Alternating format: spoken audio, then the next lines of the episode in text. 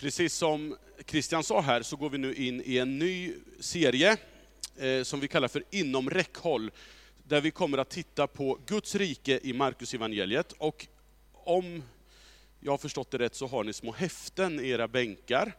Eh, som ni ska behålla, ta hem, leva med, eh, använda er av i er andaktsliv hemma. Era små grupper där ni finns, använd det här som ett samtalsunderlag, så att vi som församling lever i detta nu under våren. Det är meningen. Därför att vår vision som församling kan aldrig vara mindre än att vi får tag i detta med Guds rike, vad det handlar om. Och det är det som det här handlar om under våren. Och idag så är rubriken som vi har satt, En ny ordning. Vi lever ju i en tid där väldigt många människor verkar längta efter en ny ordning. Eh, de rådande systemen, brukar man tala om, är i kris. Stödet till Donald Trump och andra som säger sig vara mot etablissemanget brukar ses som ett tecken på det här, att nu är det kris. När sådana här människor ges makt, då funkar inte systemen längre. Den egna situationens hopplöshet vänds ofta, rättvis eller inte, mot de som sägs bestämma och misstron mot ledare breder ut sig allt mer. Och en annan aspekt av den här systemkrisen, en sorts demokratins kris, ser vi också i oförmågan att hantera de riktigt svåra utmaningarna i vår tid, som svåra konflikter och inte minst det klimathot som vi hör talas om hela tiden. Jesus, han talar om att en ny ordning är inom räckhåll. Och nu låter ju inte det här göra sig så enkelt, men låt oss låtsas att vi helt med fräscha ögon ställer oss inför Nya Testamentets evangelier. Då tror jag att du, precis som jag, skulle överraskas över hur mycket Jesus talar om det här temat, Guds rike. Det är det som är Jesu grej, liksom. Guds rike. Han pratar väldigt lite om livet efter döden och, och sådana här saker som vi kanske ofta tänker, det hör ihop med tron. Han pratar om Guds rike och att Guds rike är nära inom räckhåll. Och under vårterminen fram till påsk så ska vi då i Korskyrkan leva i det här Markus evangeliet och fundera på vad innebär det här riket för någonting? Var tar det uttryck? När tar det sig uttryck? Och hur tar det sig det uttryck? Och kan det här vara ett rike som också har bäring på våra liv och har ett ärende till vår värld idag? Och först så ska jag så här i inledningen börja med att introducera Markus evangeliet. Markus evangeliet är det kortaste av de fyra evangelierna. Och av allt att döma så lär det vara det som har skrivits först. Det råder stor enighet inom forskningen att författaren till både Matteus och Lukas har använt Markus som källmaterial när de har författat sina evangelier. Och de här tre, Matteus, Markus och Lukas, kallas ju för de synoptiska evangelierna, eftersom de till stor del har återberättar samma stoff med lite olika varianter. Men det är liksom, synoptisk betyder samsyn, man, man har ungefär ett, en liknande berättelse om Jesus. Och tidigt i kyrkans historia så kom Markus evangeliet att tillskrivas den Johannes som kallades Markus. En person som omnämns i Apostlagärningarna sedan. När man, när man hör om den första församlingens framväxt, då hör man om den här Johannes som kallades Markus. Han omnämns på flera ställen i Nya Testamentet. Och den här Markus, han var medresenär till Paulus, den här aposteln som eh, åkte omkring och grundade församlingar runt om i den då kända världen. Eh, och han var med honom på den första missionsresan. Men inför den andra resan så blev den här Johannes Markus föremål för en konflikt mellan Paulus och Barnabas. Och då, det, det innebar att Barnabas och Markus de drog åt ena hållet och Paulus och Silas åkte åt andra hållet. Om ni vill läsa om vad den där konflikten bestod i så kan jag rekommendera Bibeln. Mycket talar för att författaren hade en judisk bakgrund. Bland annat stor kännedom om judiska seder och bruk.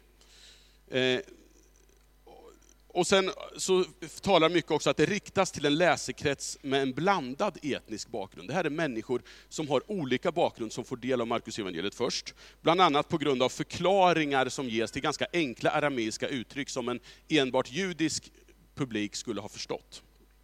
Och enligt en tidig tradition så skrevs Markus evangeliet i Rom. Det här kan man inte vara tvärsäker på idag, men det, tidiga traditionen säger att Markus evangeliet skrevs i Rom, i hjärtat av det romerska imperiet. Där författas troligen då Markus. För att förstärka församlingens tro i tider av svår förföljelse på 60-talet under kejsaren Nero, som iscensatte en väldigt svår förföljelse på kristna. Och redan i första meningen så slår Markus an tonen för vad han ska berätta. Det är glädjebudet om Jesus Kristus, Guds son. Och det här glädjebudet kommer av grekiskans evangelion, det som sen ligger till grund för evangelium på svenska. Och det här ordet, evangelium, det användes i den romerska maktapparatens propaganda när en kejsararvinge var född. Augustus, son till Caesar, han som var kejsare när Jesus föddes, han kallade sig själv Guds son. Och den här skriften är därför att betrakta som en sorts politisk sprängstoff i det romerska imperiet. Om den dessutom är skriven i Rom, så är det än mer anmärkningsvärt, eftersom den förkunnar ett annat evangelium. Med en annan person som har det anspråket Guds son. Det är en konkurrerande ordning. Uppenbart är att Markus redan här markerar det här. Det finns en annan makthavare i kontrast till kejsaren. Ett annat rike i kontrast till det romerska imperiet. Och det här är glädjebudet om det här riket. Och berättelsen om Jesus börjar sen med att förankras i de judiska skrifterna, det som vi kallar Gamla Testamentet. Jesu liv blir en sorts parallell till Israels historia, där dopet och andens bekräftelse avspeglar uttåget genom Röda havet och förbundet vid Sinai där lagen gavs. Frestelseberättelsen under 40 dagar i öknen avspeglar den 40-åriga vandringen som det här folket fick vandra i öknen i Gamla Testamentet. Poängen med det här folket då, när de hade gått ut ur Egypten, kommit, fått den här lagen vid Sinai berg och kommit in i det förlovade landet, det var att de skulle visa på ett nytt sätt att leva, en ny ordning. Men det gick ju sådär. Och därför så började ett hopp växa fram om att det ska komma en ny ordning på riktigt. Det ska komma en Messias som ska förverkliga det här. Och här menar Markus uppenbart att här kommer den som nu fullbordar den här kallelsen som Israel haft, att gestalta och förverkliga en ny ordning i världen. Med fred och rättvisa och allt det där som Gud representerar och vill. Och vi ska nu gå till Markus 1, 14-15. Har du inte bibel så kan du titta där, eller i ditt lilla häfte så ska vi börja med att läsa de två verserna där, 14 15. Så här skriver Markus. När Johannes, det är Johannes döparen som berättas om, som var en förelöpare till Jesus. När han hade blivit fängslad så kom Jesus till Galileen och förkunnade Guds budskap och sa, märk väl, det här är det första som Jesus säger. Tiden är inne. Guds rike är nära. Omvänd er och tro på budskapet. Som jag nämnde tidigare så fanns det ett skriftförankrat hopp om en ny ordning där Guds fred och rättvisa skulle råda. Och hur det här skulle se ut, det var inte helt entydigt bland det här folket. Det fanns en mängd olika grupper som stod för helt olika syner på hur ska vi förbereda oss för det här riket. Kuvade som man varit av en imperiemakt under flera sekel, olika imperiemakter som hade liksom avlöpt varandra i förtrycket, så fick det här hoppet en nationalistisk anstrykning. Rom, i det här fallet, skulle falla. Israel skulle återupprättas som politisk storhet och nation. Och Jesus han knyter ju an till de här förhoppningarna och förväntningarna när han säger att tiden är inne, Guds rike är nära. Jesus använder ordet rike, vilket i allra högsta grad är politiskt laddat. Det är omöjligt att leva i, där, i den där landremsan just då utan att tänka rike. Liksom. Som en kung med ett territorium, med en maktapparat och allt det där. Jesus han använder det uttrycket. Och Jesus verkar på allvar tala om att det finns ett annat system än det som råder nu. Som nu är nära, eller inom räckhåll. Här finns någonting. Allt det som man bland folket längtar efter i en mängd år var nu här, säger Jesus. Men vad menar han? Bland det här folket så fanns en föreställning om att det riket man väntade på, ska vi se om du kan trycka en gång till här, så. Det var ju som en sorts, eh, det skulle en dag bryta in ganska abrupt i historien. Och man talade om det här som Herrens dag. Profeterna i Gamla Testamentet kallade det för Herrens dag. När Messias skulle komma och upprätta den nya ordningen. Ni ser att det är skillnad här, på, det går från blått till rött. Tänk inte partipolitiskt där, utan tänk bara liksom att det är ett sätt att markera en skillnad. Att den gamla ordningen kommer en dag att upplösas och ersättas av en ny. Pang! Så tänkte man. Men Jesus verkar ju inte se det på det här sättet, för att han talar om att riket nu finns, det är nära, det är inom räckhåll, trots att den gamla ordningen fortfarande verkar leva och ha hälsan. Romarrikets herravälde, ockupation, rullade på som vanligt. Den gamla ordningen är fortfarande intakt, men Jesus talar om att riket är här, det är här nu. Och att Jesus tänker annorlunda kring det han kallar Guds rike, det är alltså uppenbart. Men hur tänker då Jesus, kan man ju fråga. Jag har ingen aning, men det finns, liksom, man kan ju det finns goda skäl till att han tänkte så här. Ett vanligt sätt som man löst det här på, genom kyrkans historia, det är att tolka Jesus i någon andlig mening. I meningen att det skulle handla om ett icke-materiellt rike, Jesus menar något andligt som har väldigt lite att göra med den synliga världen egentligen.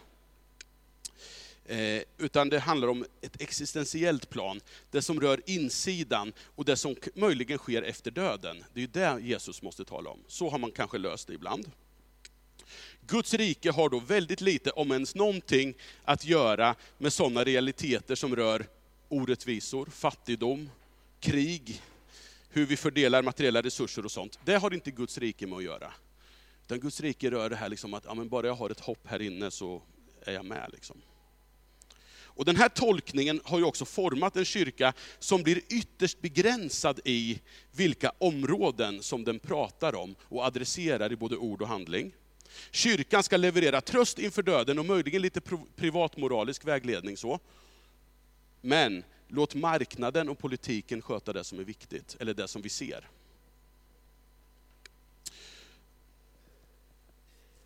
Och om vi ska förstå Jesus så, så går det ju alldeles utmärkt att samsas med romarriket och alla möjliga politiska system som hanterar de riktiga frågorna. Eftersom kyrkan ska prata om det andliga Gudsriket, och det är ju helt separerat från de frågorna. Och det är ju så det har sett ut i Europa genom århundraden, där, man då, där makten har lyckats muta kyrkan med monopol på de andliga frågorna, för att helt och hållet begränsa kyrkan till att hålla på med de där sakerna.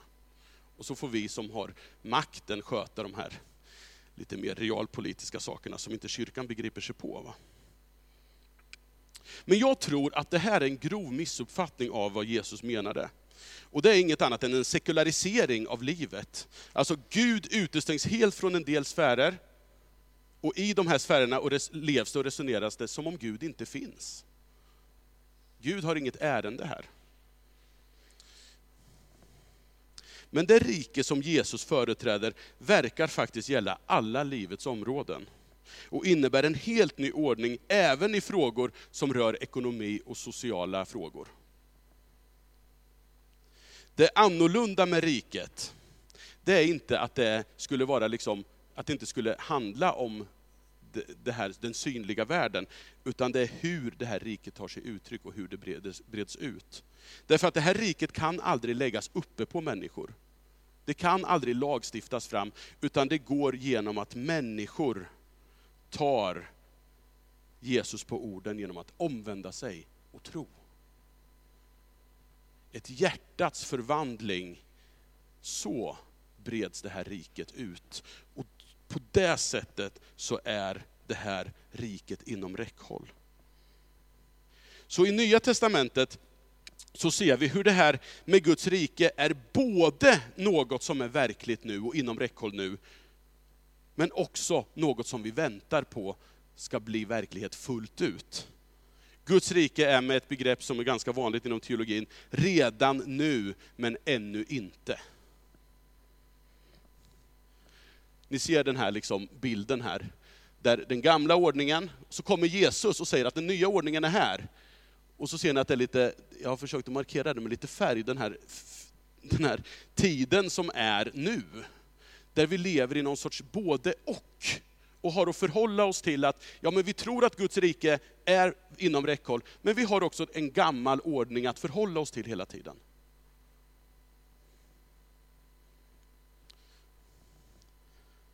Guds rike kommer en dag, fullt ut.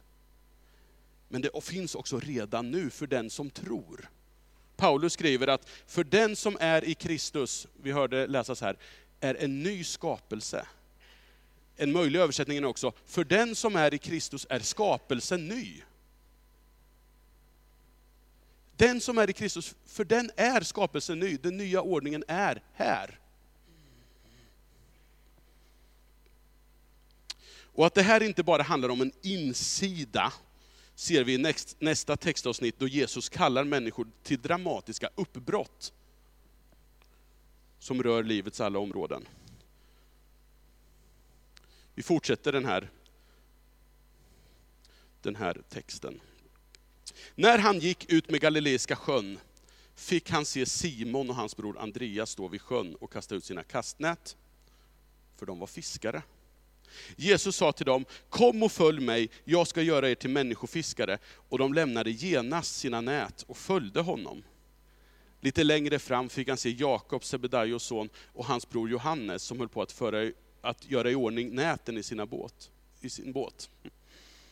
Han kallade på dem och de lämnade sin far Sebedaios och hans folk i båten och följde efter honom. Direkt efter att Jesus alltså i vers 15 har uppmanat omvänd er och tro, så får vi här liksom ett exempel på vad innebär det här att omvända sig och tro. Det är väldigt pedagogiskt det här. Omvänd er och tro, och sen så går Jesus och uppmanar människor i konkreta situationer att omvända sig och tro genom att säga, följ mig. Jesus han dundrar rakt in i det som är de här brödraparens hela liv. De kallas att lämna sin försörjning, sina fäder, sina arbetslag för att gå efter Jesus. Det är liksom lika dramatiskt som Israels uppbrott från Egypten. De lämnar sitt liv där för att börja gå, skapa en ny ordning i ett nytt land. De här brödraparen uppmanas att göra uppbrott för att kom, följa Jesus och gestalta en ny ordning. Petrus, Andreas, Jakob och Johannes, de var beredda till det här oerhörda uppbrottet till förmån för den nya ordning som Jesus talar om och personifierar. Enligt en teolog som heter Shed Myers handlade arbetet i det här landsbygdssamhället inte bara om försörjning, utan om hela den sociala tryggheten. Poängen här, skriver han, är att efterföljelse av Jesus inte bara kräver hjärtats gillande, utan en grundläggande omorganisation av socioekonomiska relationer. Den här första kallelsen till lärjungaskap i Markus är en angelägen, kompromisslös inbjudan att bryta med business as usual. Den gamla ordningen går mot sitt slut för de som väljer att följa. Guds rike har börjat och det är helt knutet till det äventyr som efterföljelsen innebär. Jesus verkar mena att Guds rike är här, inom räckhåll, i och med honom. Men för att det här riket ska bli synligt, så hänger det ihop med människor som gör uppbrott. Från allsköns gamla ordningar. Massa Egypten som vi lever i, för att följa Jesus in i det nya. Mitt i den här världen av ovisshet och oro, så går Jesus här fram, en som i gången tid sjöng vi. Löser ur vanmakt, ur synd och skam, allt det där som är våra Egypten, säger Jesus, kom och följ mig, himmelriket är nära. Han kallar helt vanliga människor, dig och mig, till omvändelse och tro med de här orden. Kom, följ mig. Vilka uppbrott kan det innebära i våra liv? Är vi beredda på de uppbrotten som en sån övertygelse i så fall kan komma att föra med sig? Längtar vi överhuvudtaget efter en ny ordning? Eller är vi ganska bekväma i händerna på de tankesätt som är rådande i vår värld? Så hemma att uppbrott känns skrämmande. Under våren så kommer vi att göra nedslag i några av Markus texter och fundera på vad den här nya ordningen kan innebära i relation till en mängd olika saker. Och jag tycker att det ska bli spännande vad det är Jesus säger att vi har inom räckhåll, om vi omvänder oss och tror. Tänk, det kan vara så att vi upptäcker något nytt under våren. Det blir kul. Vi ber. Jesus, jag tackar dig för att du är den som, oavsett vilka vi är, oavsett vad vi har i bagaget, oavsett hur duktiga vi tycker att vi är, så vill du komma till oss och du bjuder oss med på ett äventyr, att följa dig och gestalta en ny ordning. Tack för den nya ordning som ibland faktiskt glimmar till i vår församling. Tack för att Guds rike finns här inom räckhåll. Men vi ber om mer av det. Och vi ber om att du ska lösa oss och befria oss från sånt som binder oss, från att bejaka den här ordningen fullt ut. Tack för att vi får gå med dig, successivt följa dig.